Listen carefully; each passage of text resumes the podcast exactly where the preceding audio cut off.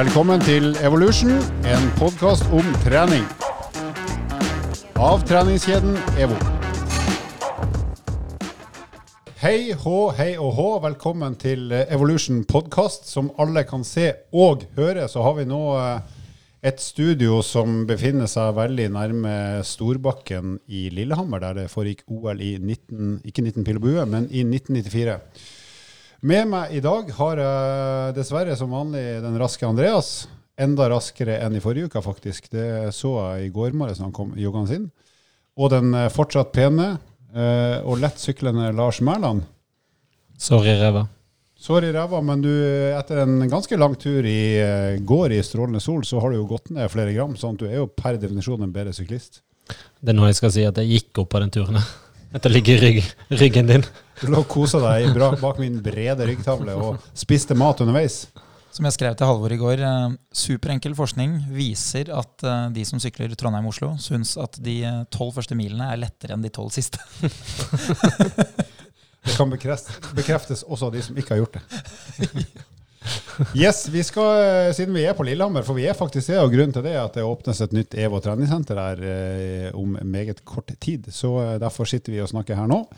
Eh, har vi noen eh, tanker rundt det at vi er på Lillehammer, eh, som kan relateres til OL eller Birkebeiner eller andre fysiske anstrengelser vi har vært med på i våre hittil ganske innholdsløse liv?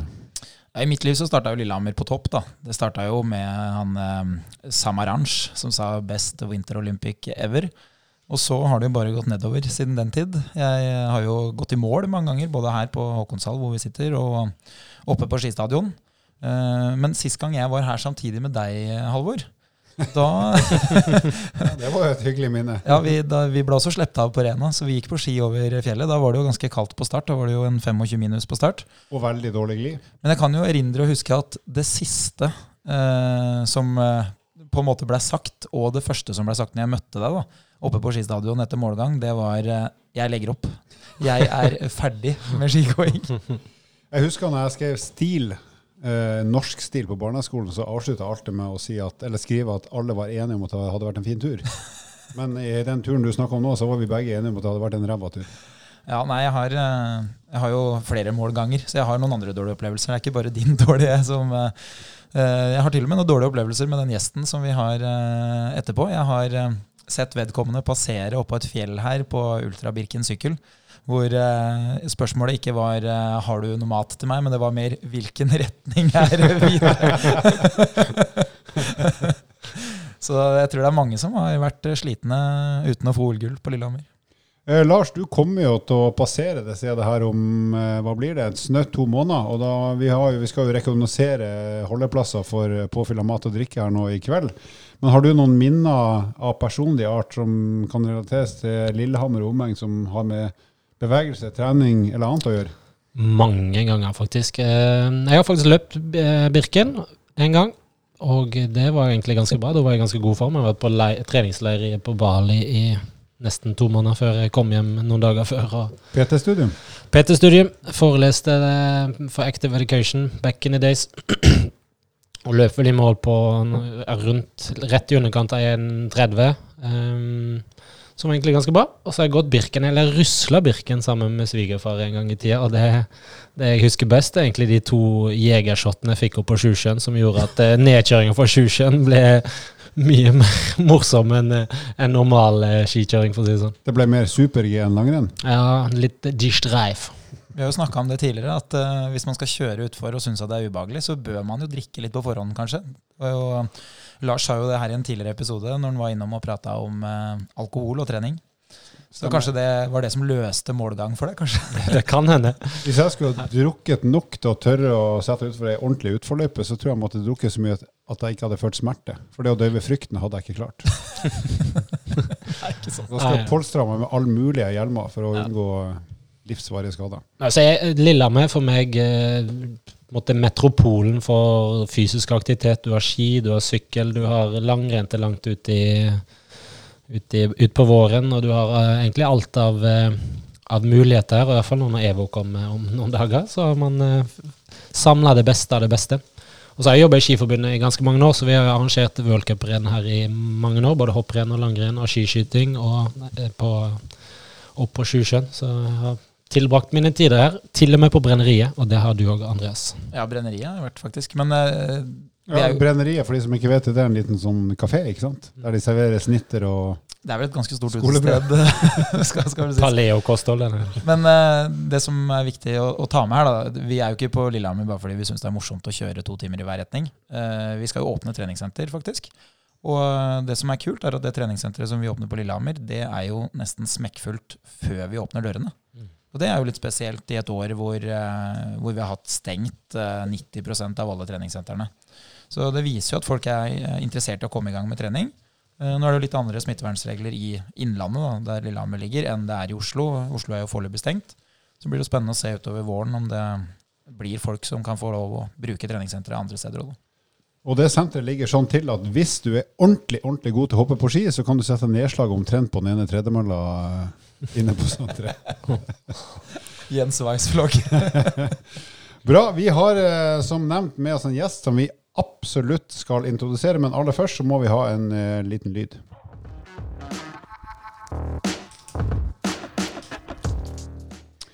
Med oss i dag, eh, lokalt fra Lillehammer, i hvert fall boende her, eh, eh, det er en mann som heter Ole Anders Brøndbo. Nei, han er ikke sønnen til han eh, Bjarne, men eh, han er kanskje litt i slekt.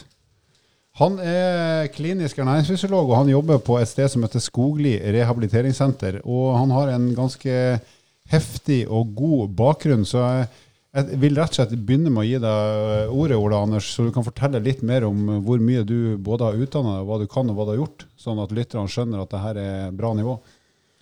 Jo, eh, takk for at jeg fikk eh, invitasjonen. Um, bakgrunnen min er at jeg har en bachelor i idrett og ernæring. Uh, og så har jeg en toårig uh, master i klinisk ernæring. Så det er akademiske. Og så har jeg jobbet to år med sykelig overvekt på Evjeklinikken på Sørlandet. Eh, to fine år der nede hvor jeg fikk eh, tid til å følge opp overvektige pasienter over, over litt tid. Så det, det, er kanskje derfor jeg har eh, blitt invitert. Og dere gjorde en veldig bra podkast her for et par uker siden om, om, overvekt, så jeg var litt spent på hva jeg kunne fylle inn. Men jeg tror vi kan finne noe bra prate om allikevel. Um, og nå de siste to-tre årene så har jeg jobbet på, på skoglig helse og rehabilitering, hvor jeg har et litt bredere tilbud med med hjertepasienter og slagpasienter og revmatikere og, og, og, en del andre faggrupper, som gjør at jeg har litt mer allsidig arbeidshverdag i dag, i dag men det er også en del overvekt og, og trening og, relevante temaer som blir tatt opp der. Da, så det,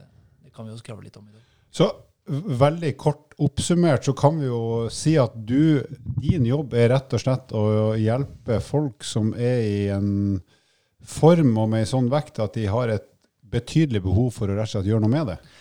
Ja, i dag så er det jo litt både og. Jeg har litt de, kall det det jeg tenker meg mer tradisjonelle PT-kunder, eh, men også de som har mer det som stemples som sykelig overvekt, hvor, hvor, det faktisk er et betydelig helseproblem. Da. Så jeg jobber litt med begge, begge, grupper om dagen. Det er veldig fint å kunne, kunne bidra begge steder. Jeg så jo en episode på Eh, på NRK her, jeg lurer på om det var i fjor eller forfjor, eh, som var en serie hvor, eh, hvor det er en, en journalist av NRK som, som, på en måte hun sjekker inn da, på et sted. Og da var du jo på, nede på Evje, på klinikken der du jobba. Helene sjekker Helene heter det, vet du. Helene sjekker Da var jo hun med pasientene og de som jobba der, og, og, var med og liksom så litt på okay, hva, hva er det det går ut på. og for de som har sett den episoden, eller de som ikke har sett den, jeg anbefaler jo den. Den er veldig fin, og den viser jo virkelig liksom uh, et innhold da, som gjør at man får litt kunnskap om uh, hva er virkemidlene man må bruke, og, og hva er det som forventes av, av deltakere eller pasienter eller kunder da, for at de skal på en måte lykkes. Og, og det som er kjekt, er jo hvis man da henter ut litt av den kunnskapen, så kan man jo bruke den på veldig mange. Så det er jo ikke sånn at man er nødt til å være på en måte overvektig eller sykelig overvektig for at uh, det å gå ned i vekt uh, skal fungere. Så de tiltakene man ofte gjør, da, de fungerer jo på alle mennesker, egentlig. Mm. Artig. Det, det, er jo det vi gjorde der nede, og det, vi, det, de fortsatt jobber med der nede, er jo, som Andreas nevner, veldig anvendbart og veldig basalt. Altså det er ikke noe, det er ikke noe hokus pokus eller veldig vanskelig. Det er bare for de som er der nede, og som har den utfordringen av den graden de har, så er det bare enda mer viktig. Mm. så det er jo generelle kostråd og generelle metoder, akkurat sånn som de som dere snakket om for noen uker siden. Eh, det er bare det at problemet er såpass stort at eh, Helse Norge har valgt å ta, ta regninga for det. Eh, Og det finnes jo flere sånne klinikker rundt om i Norge, bl.a. en som vi snakka litt om før vi gikk på sending, på Hønefoss. hvor jeg har en svigerinne som jobber, og med litt det samme som deg, klinisk ernæring og eh, aktivisør, er det det heter. Altså da holder dem i aktivitet og gjøre treningsaktiviteter. Det er jo det som bør gå hånd i hånd. Én ting er fokuset på fysisk aktivitet og gjøre en varig endring, for det tar jo litt tid, og sammen med kosthold. Og så er det inn og ut, er ikke det? De Jo. kommer, er der noen uker og lærer mer om hvordan de skal leve, og mat, og hvor mye mat, og hvor lite mat, og aktivitet. Og så drar de hjem, og så kommer de tilbake igjen, og så ser man en endring, og så får de prøve litt på jeg gjør i gåsetegn på egen hånd. Ja, og det er jo, det er jo der det har blitt lagt så mye vekt de siste årene på at man ser at dette er en såpass langvarig prosess at uh, man velger å bruke ganske mye ressurser over tid på disse som virkelig trenger det. Og, og det ser man resultater også, når man sammenligner det med fedmekirurgi eller, eller mer drastiske tiltak, da, som er veldig riktig for, for noen, men for andre så vil et mer sånn konservativt eller forsiktig eh, tiltak være mer, mer riktig. Da. Og der er det jo er vi heldige nå hvor alle eh, helseregionene har sånne tilbud. Så det er veldig bra. Kan du si noe om hvem den typiske eh, måte, eh, pasienten eller kunden på disse sentrene er? Ja, du må jo, du må jo Hva er sykelig overvekt? Ja, Kan vi eh, si. og der er det et kriterium. Altså du må ha enten 35 i BMI pluss relevante tilleggssykdommer. Og da er jo da diabetes, eh, høyt blodtrykk, eh, høyt kolesterol og et par til, eh, søvnapne f.eks., eh, gjør at man kvalifiserer, eller BMI på over 40. Så, Og Hvis du, hvis du tar en sånn, eh, en sånn person som, du, som får den oppfølginga dere tilbyr, hva, hva vil typisk være Kall det utviklinga i den personens form, vekt og andre helseparametere i løpet av Er det nærmere et år man får oppfølging i større og mindre grad?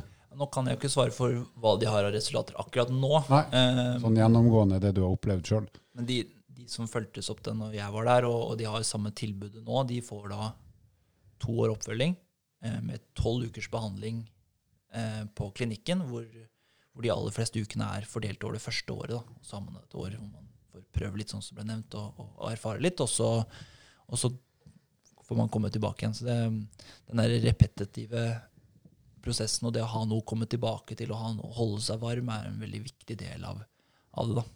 Og så tenker mange ja, men ok, det her gjelder jo ikke meg, for jeg vil bare gå ned fem kilo, ti kilo så fort som mulig, og så er det greit, liksom. Men, men det er jo helt sikkert utfordringer også de som har såpass mye overvekt, eh, står overfor og må takle som de som i gåsehudet bare skal gå ned fem, seks, sju kilo.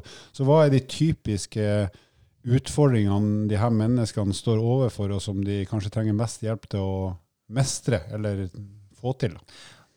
De står overfor en del av de samme utfordringene i, i at de har prøvd før, ikke mestret, eh, og at eh, vektreduksjon er på papiret eh, veldig enkelt og det samme for alle. Eh, så viser det seg å være ganske vanskelig utover det. Eh, men på papiret så er det det samme regnestykket som skal gå opp. Eh, utfordringen er jo, er jo at de kan ikke løpe intervaller på mølla. De, de får vondt i knærne. Eller, altså det, vekten i seg selv blir en utfordring. Eh, ikke, ikke noe som gjør det umulig, men eh, det gjør at enkelte sånne vanlige tiltak som kanskje er mer vanlig på et treningssenter, ikke er eh, Og litt tilpasningsbehovet er litt større. Så hva er det som gir mest effekt, da, hvis det går an å stille et så kaldt spørsmål i, i forhold til den gruppa her, og kanskje også for andre, som, som måtte skape den endringa som må til? Det er jeg jo helt enig i at det er et litt sånn kaldt og avgrenset eh, spørsmål, men, men kostholdet må være under kontroll. Eh, og, og det er ikke nødvendigvis da at underskuddet må være altfor stort, men har du ikke kontroll på det, så, så blir du i bedre form og får lavere sykdomsrisiko ved å bli i bedre form, men du går ikke nødvendigvis ned i vekt. Men har du kontroll på kostholdet, ikke nødvendigvis så mye mindre, men legger til trening, så får vi en veldig fin, fin kombo. Så det er jo litt sånn det vi prata om i den uh, overvektsepisoden for, uh, for, et par uker siden. Uh, hvor man da ser at man kan bli sterkere. selv om man kanskje ikke går ned så mye vekt, hvis man trener og ikke har kostholdskontroll. da. Men det som på en måte kanskje vil være den store forskjellen, er jo at hvis man på en måte har kvalifisert til et sånn type behandlingsopplegg, så, så, har man så stor sykdomsrisiko at uh, ja, du blir i bedre form, det er veldig bra, men i utgangspunktet så må vekta reduseres. Mens hos veldig mange andre så, så vil det jo i seg selv være uh, på en måte én av to ruter som er kryssa idet du har blitt i bedre form. Og så kanskje du må jobbe litt med, med vekt på sikt. Så det, det, er vel kanskje litt mer en sånn klokke som tikker i forhold til risikobildet. da.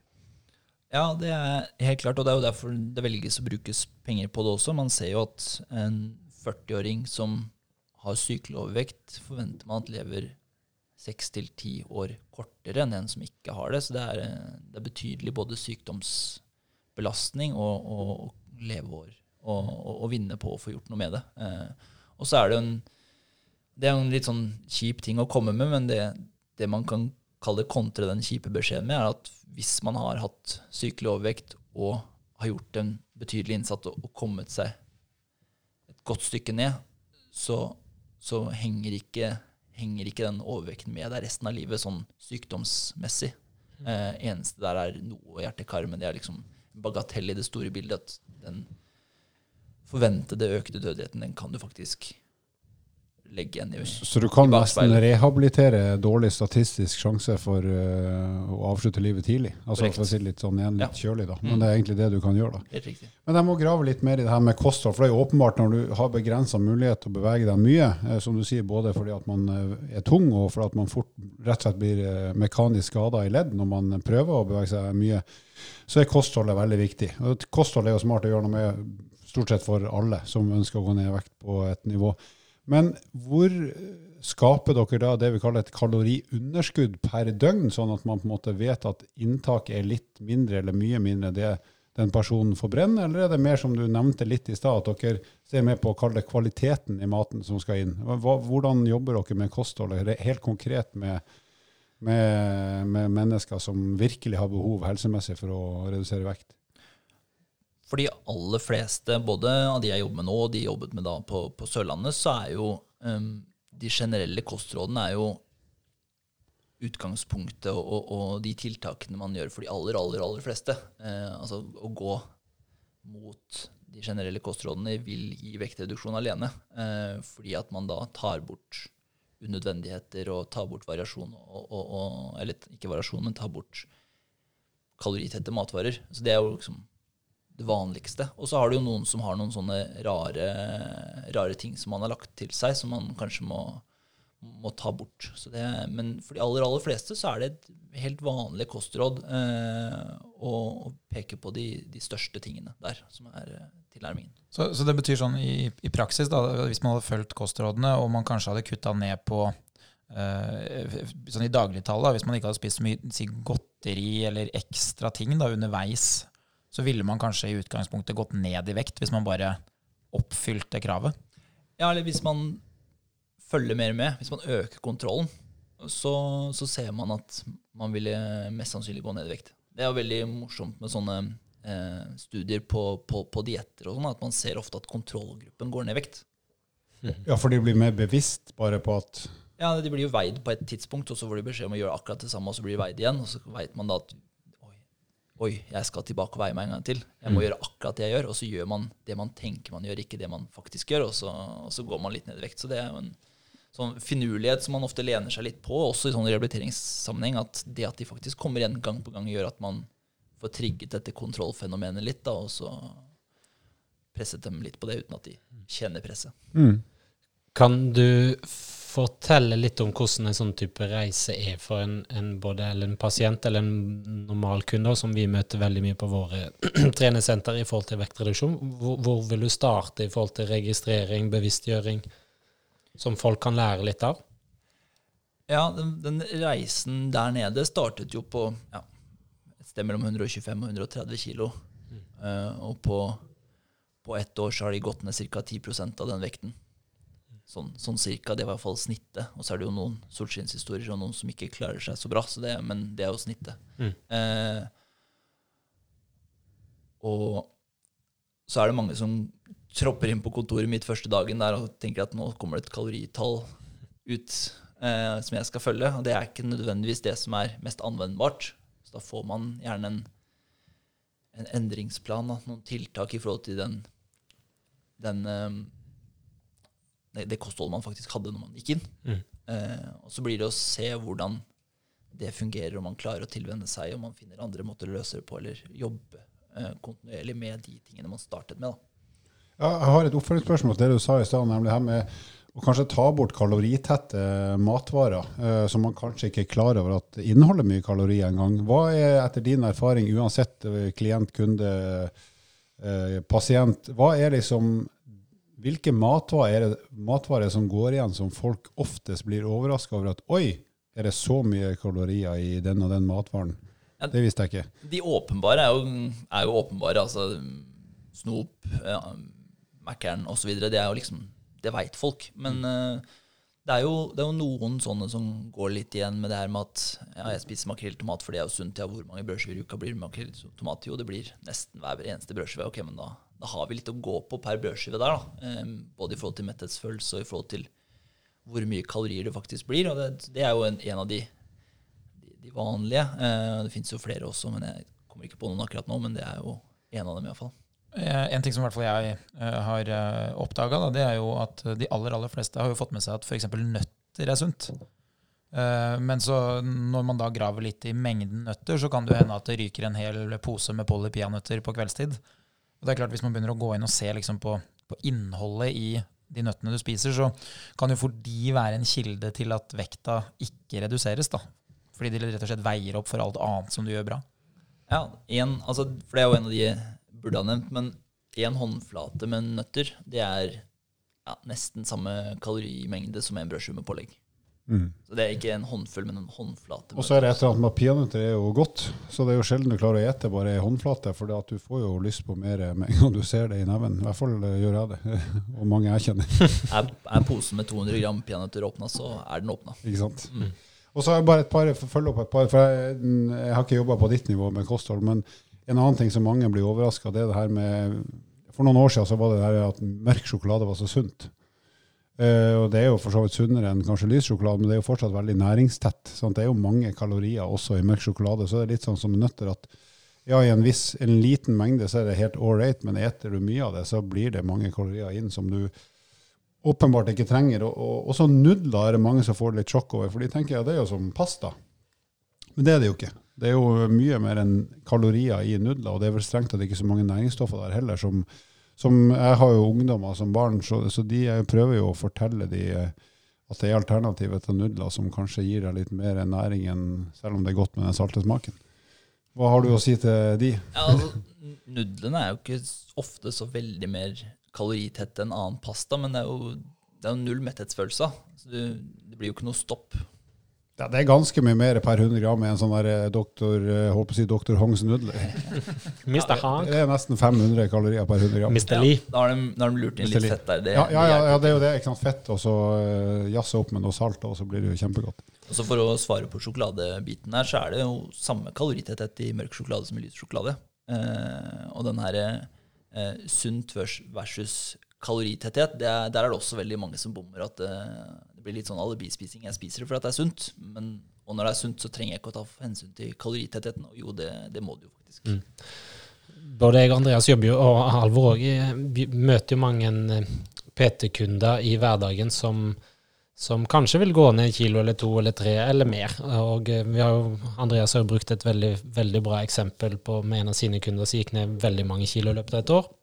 Og én ting er trening, en annen ting er, er kosthold, selvfølgelig. Og det å registrere kosthold og få en bevisstgjøring rundt det, tror jeg har jeg veldig troa på, for da får man en aha-opplevelse eller en pekepinn på hvor man er, og hva man faktisk spiser. Og en ting som jeg har bitt meg merke til, som vi ikke har nevnt, er jo de flytende kaloriene, som folk ikke er så kjempebevisst rundt. Eh, Vi sitter jo her med jus og brus, men eh, dog eh, sukkerfri, som, eh, som så for å spare litt. Grann. Men det, der er ikke folk så bevisste. Um, i forhold til hva man faktisk får i seg.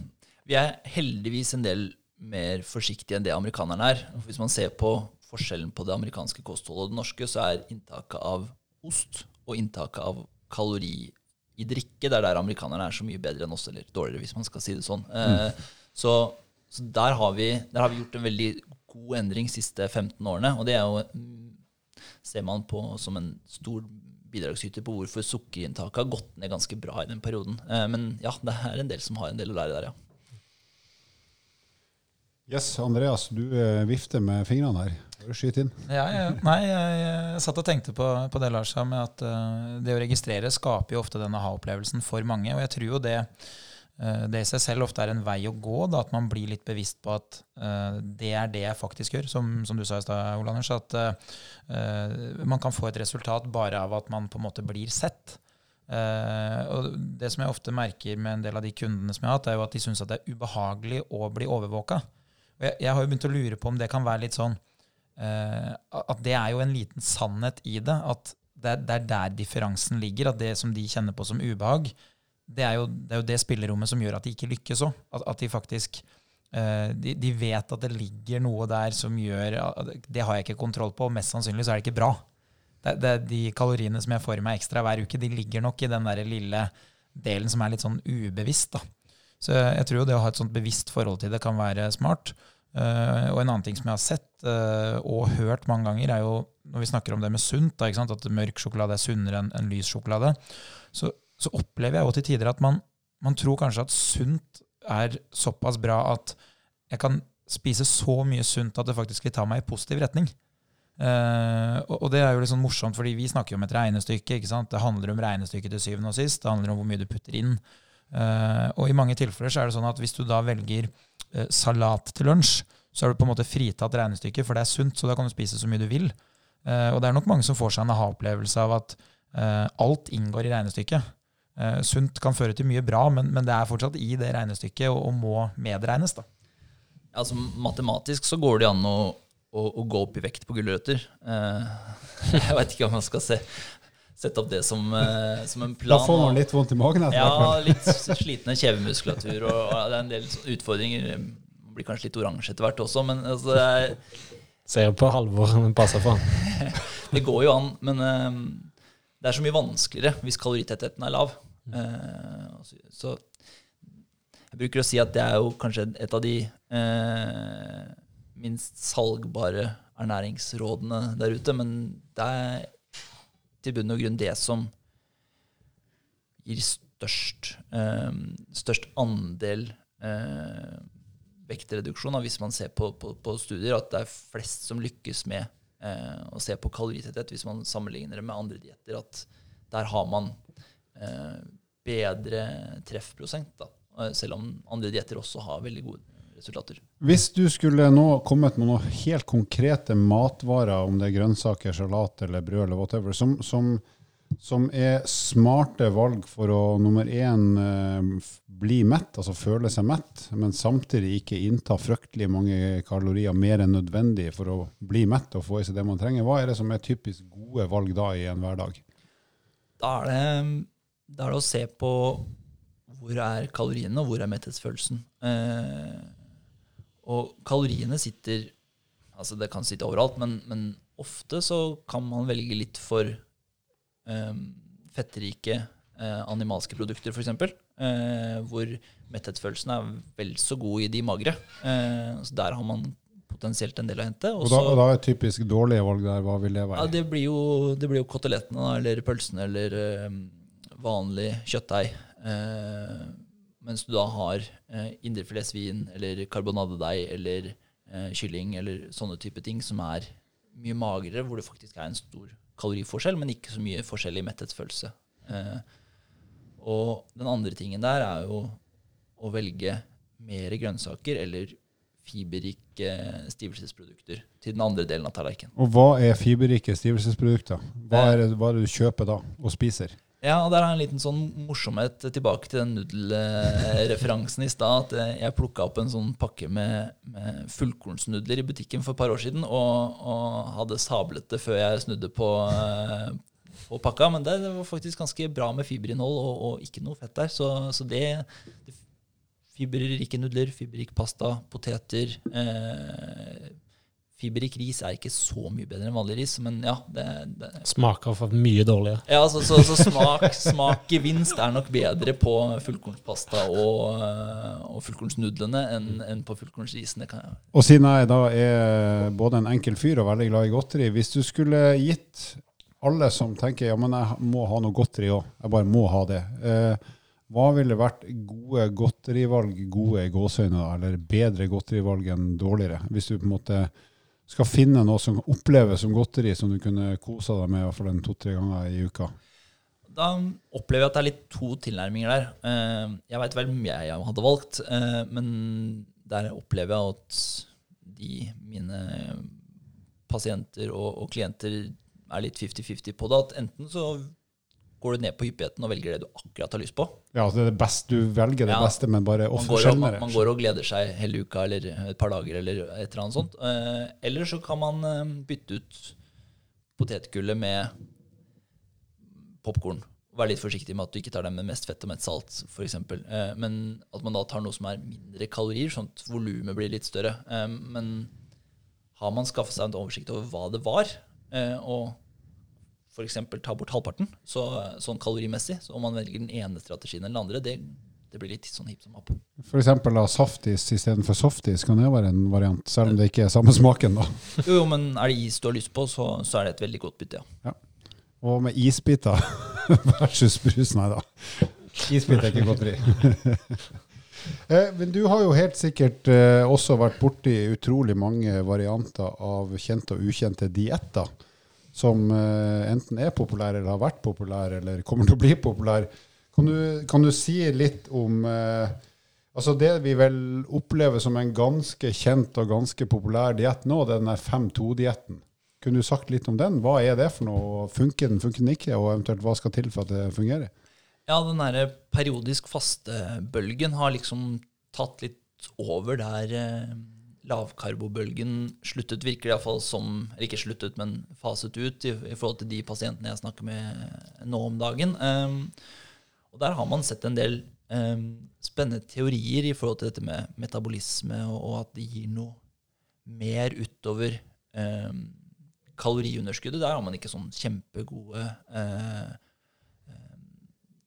konsensus, eller man er ikke helt enig om, om hvor, hvor presist det er utover det man har funnet i, på de første studiene. Men når man ser på intervensjonsstudier, altså hvor man har tatt deltakere og gitt, satt dem på dietten, eh, og teller opp hvor mange som lykkes, så, så blir det litt sånn som de andre diettene, at en, en, en andel lykkes veldig bra.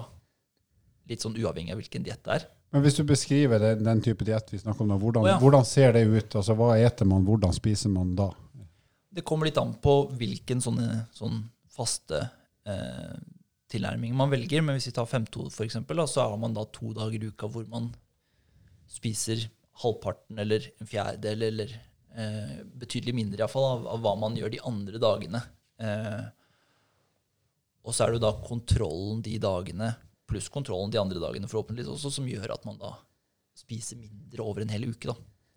Eh, og hvis man da ser på forlenget nattefaste, som er en av de andre som er populære om dagen, så er det jo det at spiser man en kortere del av dagen, så er det en kortere del av dagen man trenger å være på ballen og følge med på hva man faktisk spiser, og så er det ofte den kontrollen da, som gir, gir vektreduksjon.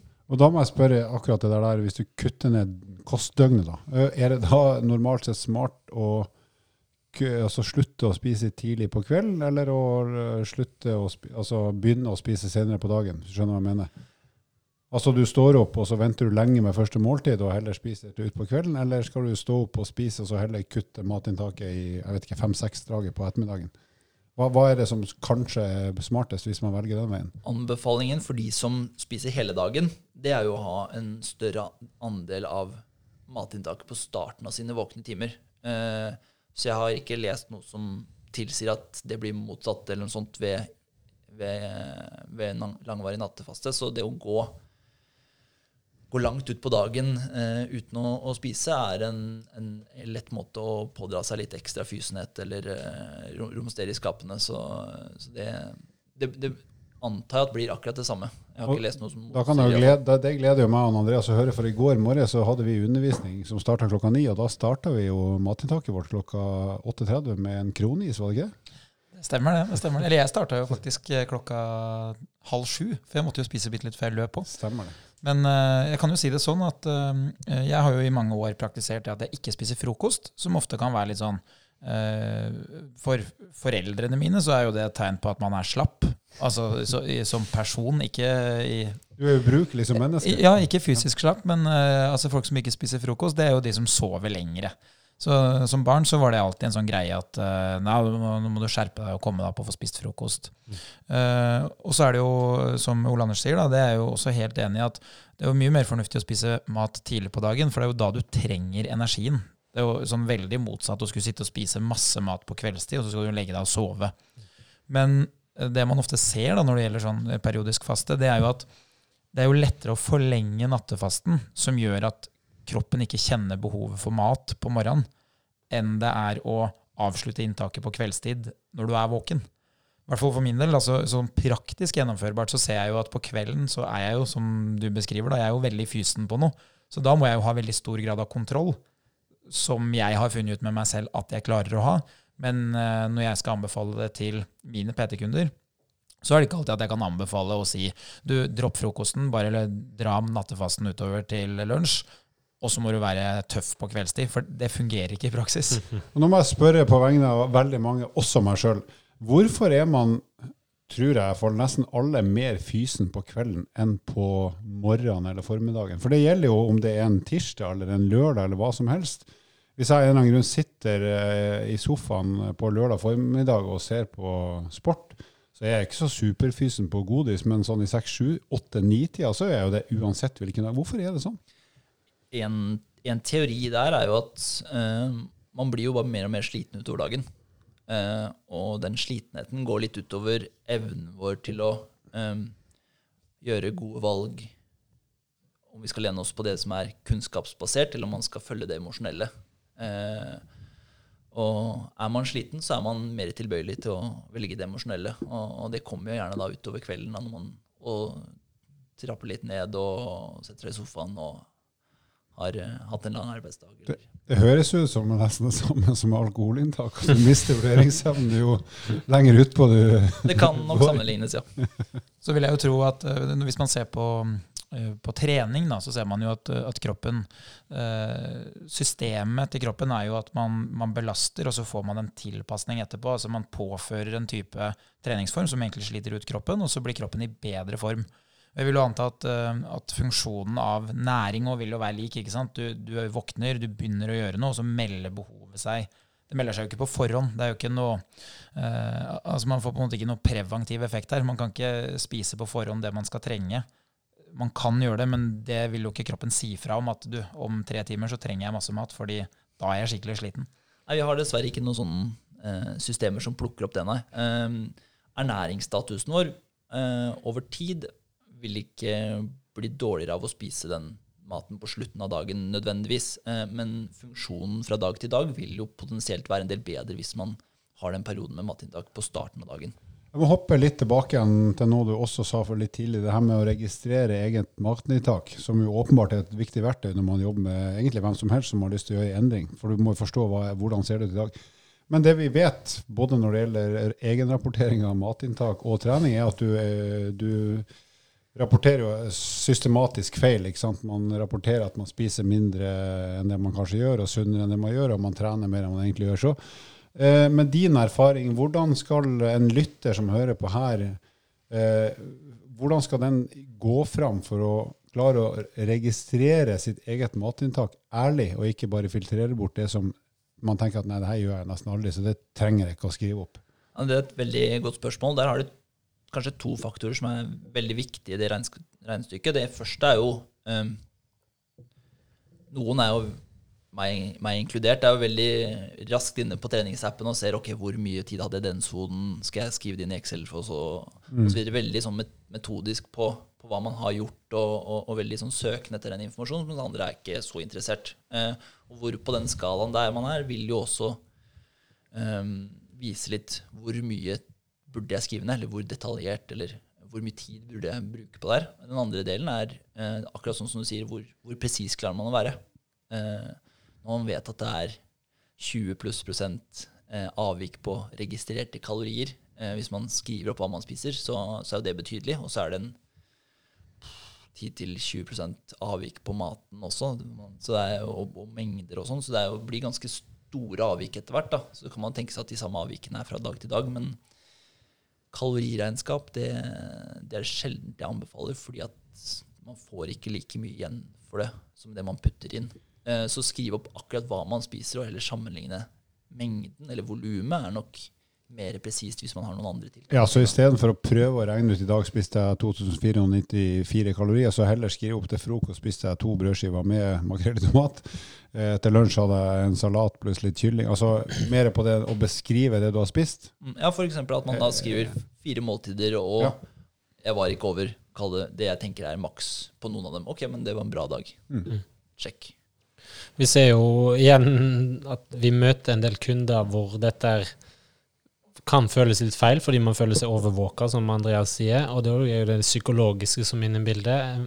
En, men min erfaring med de kundene jeg har, nå er ikke de som har gått ned ekstremt mye, men i hvert fall noen få kilo her og der. Og det handler om å bruke noen verktøy som er litt igjen eh, visuelt kjekt å se, så man kan føre litt statistikk, eh, bl.a. ulike apper hvor man kan skanne matvarene man kan legge inn, og da får man ganske detaljert. Ehm, og så ser man det visuelt, for man kan da se endringen hvis du reduserer litt, om det er en halv boks uh, makrell i tomat, i og med at det eksempelet har kommet opp. Uh, og det er jo litt i den retning vi går i forhold til det teknologiske med ulike treningsapper. Strava har vi nevnt ganske mange ganger. Uh, og alle mulige andre aktivitetsklokker med apper som gjør at vi får statistikken på alt. Og det er òg ganske motiverende for mange å følge. Jeg vet ikke om har, Bruker dere noen verktøy i, forhold til registrering på, på de kundene eller de pasientene du har nå? Nei, altså De jeg snakker med, snakker man jo ofte om tiltakene med. At man burde følge med, og, og hvor i kostholdet det er mest å, å gå på, og, og, og hva bruker eller pasient er mest motivert for å gjøre. Det er gjerne de tingene man starter med. Men når det kommer til registreringsbiten, så er jo sånn Altså teknologien er, hjelper oss der. Da, at det blir mye enklere å faktisk få det gjennomført. Eh, og bruker man Lifesum eller en av disse andre appene, så, så er det egentlig viktigst å vite at 2194 kalorier er ikke nødvendigvis 2194 kalorier, men en dag på 2194 kalorier er nok mer enn en på 1950. Så, så forskjellene der er nok eh, relativt reelle. Det faktiske tallet er nok, er nok en del slingringsmonn på, men så kan man jo regne med at man har de samme slingringene fra dag til dag. da. Hvis du med din erfaring og kunnskap eh, skulle gitt noen eh, veldig konkrete tips som vil fungere for de aller, aller fleste når det gjelder det å kontrollere vekt, enten å holde i vekt eller å gå ned i vekt, hva vil du sagt er mest sannsynlig at kommer til å fungere nesten uansett målsetting, så lenge det er en vettug målsetting? Ja, det, det blir jo et veldig stort spørsmål, men i korte trekk så er det jo det å, å gjøre endringer som man er motivert til å holde over tid, eller som man kan tenker kan passe inn i sin hverdag. Eh, alle tidsavgrensede prosjekter blir, gir tidsavgrensede resultater. Så man må være forberedt på at det blir den nye hverdagen. Eh, og det er kanskje den første steget i det. Og, og det jeg kanskje hjelper mest med på, på, på kontoret, er jo å finne de, de, største tiltakene, eller peke på de, de tingene som monner mest. Eh, for tar man tak i eh, pilk, så blir det kanskje ikke så store resultater. Man må ta tak i de store tingene. Men gjør gjerne det man er motivert for. Så interessekonflikt der. Ja. Jeg, jeg graver litt videre i den Vi snakka litt om ulike diettene, for det spørsmålet får man eh, utallige ganger. Én ting, vi tre foreleser på, på Akademiet for personlig trening. Der får man det. Man får det blant PT-kundene sine, og vi får det òg til podkasten. Hva er det som er mest effektivt? Vi har toucha innom 5-2-dietten. Kan du eh, ta oss gjennom noen av de andre diettene som du kjenner til, og som måte, du møter oftest? og gjerne si noe om hva, hva det er som innebærer de ulike, hvis vi kan ta en sånn liten Utfordringen min er jo at når de dukker opp hos meg, så har de jo gått på en diett som ikke funka. Ja. Så jeg har et litt sånn uh, skrudd uh, eller sånn, De jeg ser, er kanskje ikke representativ for de som har gått på lavkarbo eller 5-2, for de jeg møter, de har jo kanskje ikke lykkes så godt. Uh, Det skal jeg love deg, det møter vi òg, for å si det sånn. ja, men, eh, Inkludert oss sjøl. Eller i hvert fall meg, da. Jeg går på 5-4. Det funker bra. Men det, det man ser da, når man gjør studier på, på dietter, at de fleste faktisk funker. Mm. Det viktigste er at man ikke velger en som, på, en som går på bekostning av ernæringsstatusen sin. Hvor det blir for restriktivt. Eh, før før podkasten her så nevnte vi ananaskur eller også sånne ting. Det blir for restriktivt. Man kan ikke gå opp på det lenge nok til å få gode nok resultater. Eller, eh, det, er ikke, det er ikke en livsstilsendring. Da. Så, så der må man passe litt på. Eh, og utover det så handler det egentlig om å finne noe som passer inn i sin hverdag, passer, passer inn med det kostholdet man gikk inn i prosjektet med. Eh, om det er eh, 5-2 lavkarbo Med lavkarbo skal man være litt forsiktig med mettet fett, men altså det er jo Det fins mange gode løsninger, og så fins det selvfølgelig enda flere dårlige. Men eh, Men det her med ketose og sånn, det er jo fortsatt relativt utbredt. Det har vært det egentlig veldig lenge. Og, og, og, og mange som vil ned i vekt, skaper jo et ekstremt kaloriunderskudd dag for dag, iallfall i en viss periode. Hva, hva kan man si om det? Det? Kan det også funke, eller er det sånn som fungerer veld, det blir jo veldig ekstremt. Eh, så mitt spørsmål er hvor lenge klarer du faktisk å stå i det? Eh, og hvor høyt blir mettet fettinntaket? For har man et veldig høyt mettet fettinntak, så vil man gjøre noe med de fleste risikofaktorene, altså sykdomsrisikoen, når man går ned i vekt. Men, men hjerte-kar-risikoen den vil forbli ganske høy, da, for at du, kolesterolet vil forbli høyt. Så, det, eller det vil ikke senkes like mye som om man hadde gått utenom disse mettede fettkildene. Jeg synes det er en, en sånn morsom digresjon, da, fordi eh, nå har jo alle vi jobba veldig mye med trening og, eh, og møtt, som Lars sier, da, på det med dietter og sånn. Og, og nå har vi jo fått lov å på en måte være med i noen sånne eh, runddanser hvor det har kommet eh, noe nytt som har blitt trendy og populært, og så har vi fått lov å se det dra igjen, på en måte, hvor det tar over noe annet. Og når det står på som verst, så er det noe som alle tror at er løsningen. Mens hvis man begynner å se et mønster, så ser man at ok, det her blir veldig populært. Eh, og som du sier, Ole Anders, noen kommer til å lykkes, veldig mange kommer til å mislykkes. Og så går vi videre til neste, fordi at de som da mislyktes, de ønsker jo å finne en ny løsning. Eh, og, og da er det jo alltid morsomt å observere at eh, hvis man ser på likhetene, så er jo likhetene ganske konkrete. Det er jo at de tar deg ut av det som du gjør i dag, setter deg inn i en ny hverdag hvor du må få regnskap. Ikke sant? Så de setter deg inn i et konkret regnskap hvor du ender opp med å spise mindre energi enn det du bruker. Eh, og så er det jo en del sånne sidefaktorer som man ofte neglisjerer mens det står på som verst. Og en ting som jeg syns var interessant når lavkarbo var liksom på toppen, det var jo hva skjer på sikt med de som nå velger å bytte ut veldig mye energi uh, med da mer uh, type fett, og da gjerne fett som ikke er gunstig. Og så ser man jo plutselig tre år etterpå, fem år etterpå, så begynner det å dukke opp studier som sier at hm, kanskje det å spise så mye av den typen fett ikke er så gunstig på sikt. Og så ser man at de som da har valgt den type livsstil, begynner å måtte betale med bieffekten av valget sitt. Og det er jo på en måte det du jo, eh, beskriver her, at hvor lenge kan du egentlig holde på med det, og, og er det en varig endring, er det en livsstilsendring, da?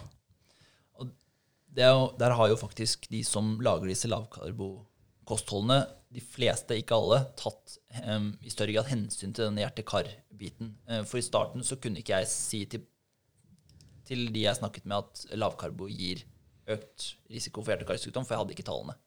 Nå har man jo det. Eh, så nå er det, noe man tar opp som en naturlig del av en sånn type samtale. Og det hender at jeg stempler lavkarbokosthold som ja, kjør på, dette blir kjempebra. Men eh, og så hender det at jeg er inne og pirker litt. Og, men de har tatt hensyn til det i større grad, og det er veldig bra. For da, da man også, slipper man den lasten da, på veien. Good. Eh, nå skal vi eh, introdusere en, den sedvanlige lyden, og så skal vi over til en aldri så liten fun fact og et spørsmål som kommer til å gå til deg i all hovedsak, eh, Ole Anders. Så bare gjør deg klar.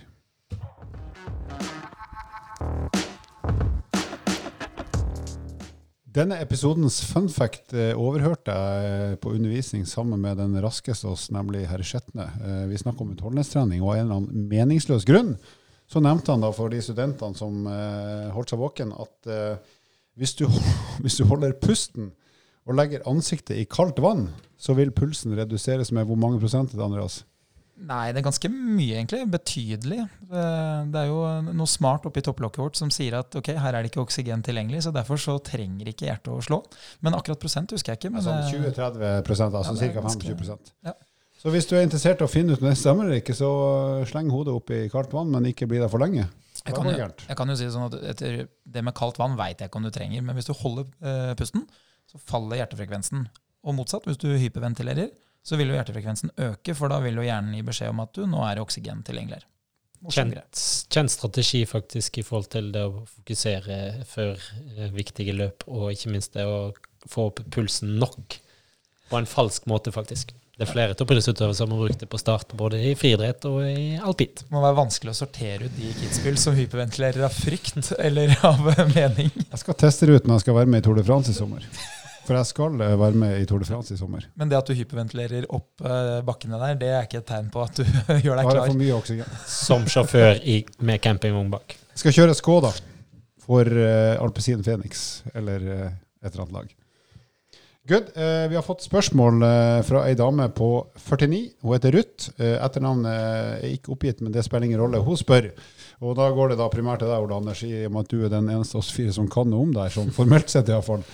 Uh, hva er det smarteste jeg kan gjøre for å kutte ut, eller slutte å spise så mye mat og godteri når jeg setter meg ned på kvelden og ser på TV?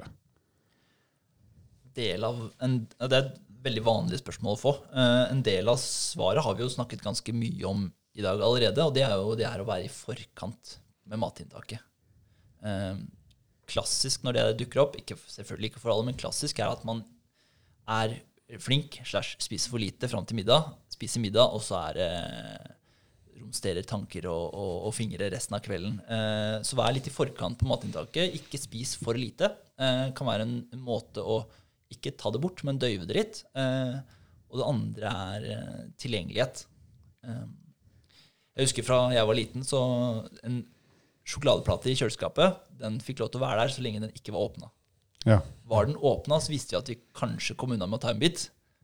Og så var til slutt plata borte. Så noen kan ha sjokolade liggende hjemme. Andre kan ikke det. Eh, jeg har vært hjemme hos Andreas, der står det godteri på bordet av og til. Jeg, jeg skjønner ikke hvordan det skjer. Eh, er det satt på bordet, så er det borte.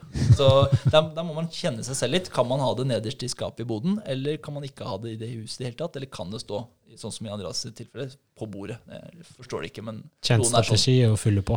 Det er, en, det er en evig prøvelse, vet du. Det, livet er en evig prøvelse. Men det, men det du sier er, for å ta det litt eh, ned, eller, altså det betyr jo egentlig at eh, hvis du skal ha kall det godteri tilgjengelig, så i hvert fall ikke ha ekstreme mengder. Altså ikke handle inn en gang i uka et sånn enorme antall kilo med godis. For at da, når det først begynner å brukes, da, så brukes kanskje veldig mye veldig fort, og så handler du ikke bare én gang i uka med flere. Så en begrensa mengde tilgjengelig, kall det slafsemat, da, så du ikke rett og slett ikke har muligheten til å gå på en smell.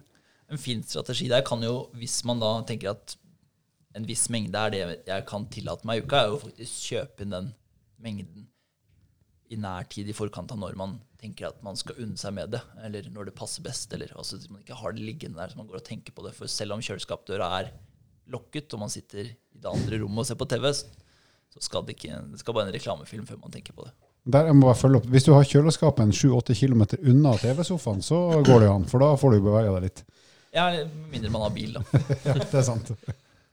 Da kommer det to dilemmaer opp. Skal sjokolade i kjøleskapet, eller skal sjokolade være romtemperert? Men det skal vi diskutere senere. Nei den skal i kjøleskapet. Men dette her, jeg kjenner meg litt igjen i den problematikken. Det kunne jo vært jeg som sendte det spørsmålet, faktisk. Eh, Men det, mitt beste tips i forhold til dette er jo, som du sier, altså planlegge være i forkant. Det jo på en måte buffre opp, ja, i forhold til regnestykket. Men en annen ting, eh, når du skal handle disse tingene her, eh, så er det ikke å gå på butikken mens man er sulten. Da ryker du hver eneste gang. Eh, Så vi i dag, eh, Halvor, når vi skal handle senere i dag, så skal vi i hvert fall være mette før vi går inn dit. Så vi Jeg, var, ja, jeg kan jo si det, Vi sitter jo nå på en sånn eh, leilighet med flere soverom, eh, der vi skal være i noen dager. Så I går, på vei hit, så handla jeg jo til til eh, frokosten og kveldsmaten i går. Jeg var jo stappmett når jeg handla, og det ser du jo også på skapet, for det er ei frokostblanding og en liter melk. Det er det vi har her. Så vi, Leverpostei og banan. Det er vi har jo ikke kjempegodt. kjangs til å gå på en smell enda, men den kommer vel i kveld. Men bare en liten ting til. eh, og det så vær, Beste tips er jo kanskje å være, eh,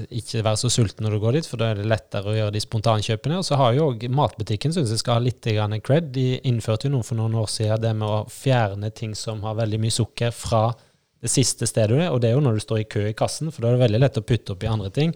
Nå står det jo stort sett sukkerfrie ting, eller tyggis, eller Sånn sånn, sånn, eller frukt og grønt, for, eh, for å si det sånn. Så, så det at det ble, Jeg vet ikke om det er en regel, eller om det ble i forhold til den sukkerloven, men det er i hvert fall fjerna vekk fra det siste stoppestedet før du trår ut av butikken. Og det er jo bra.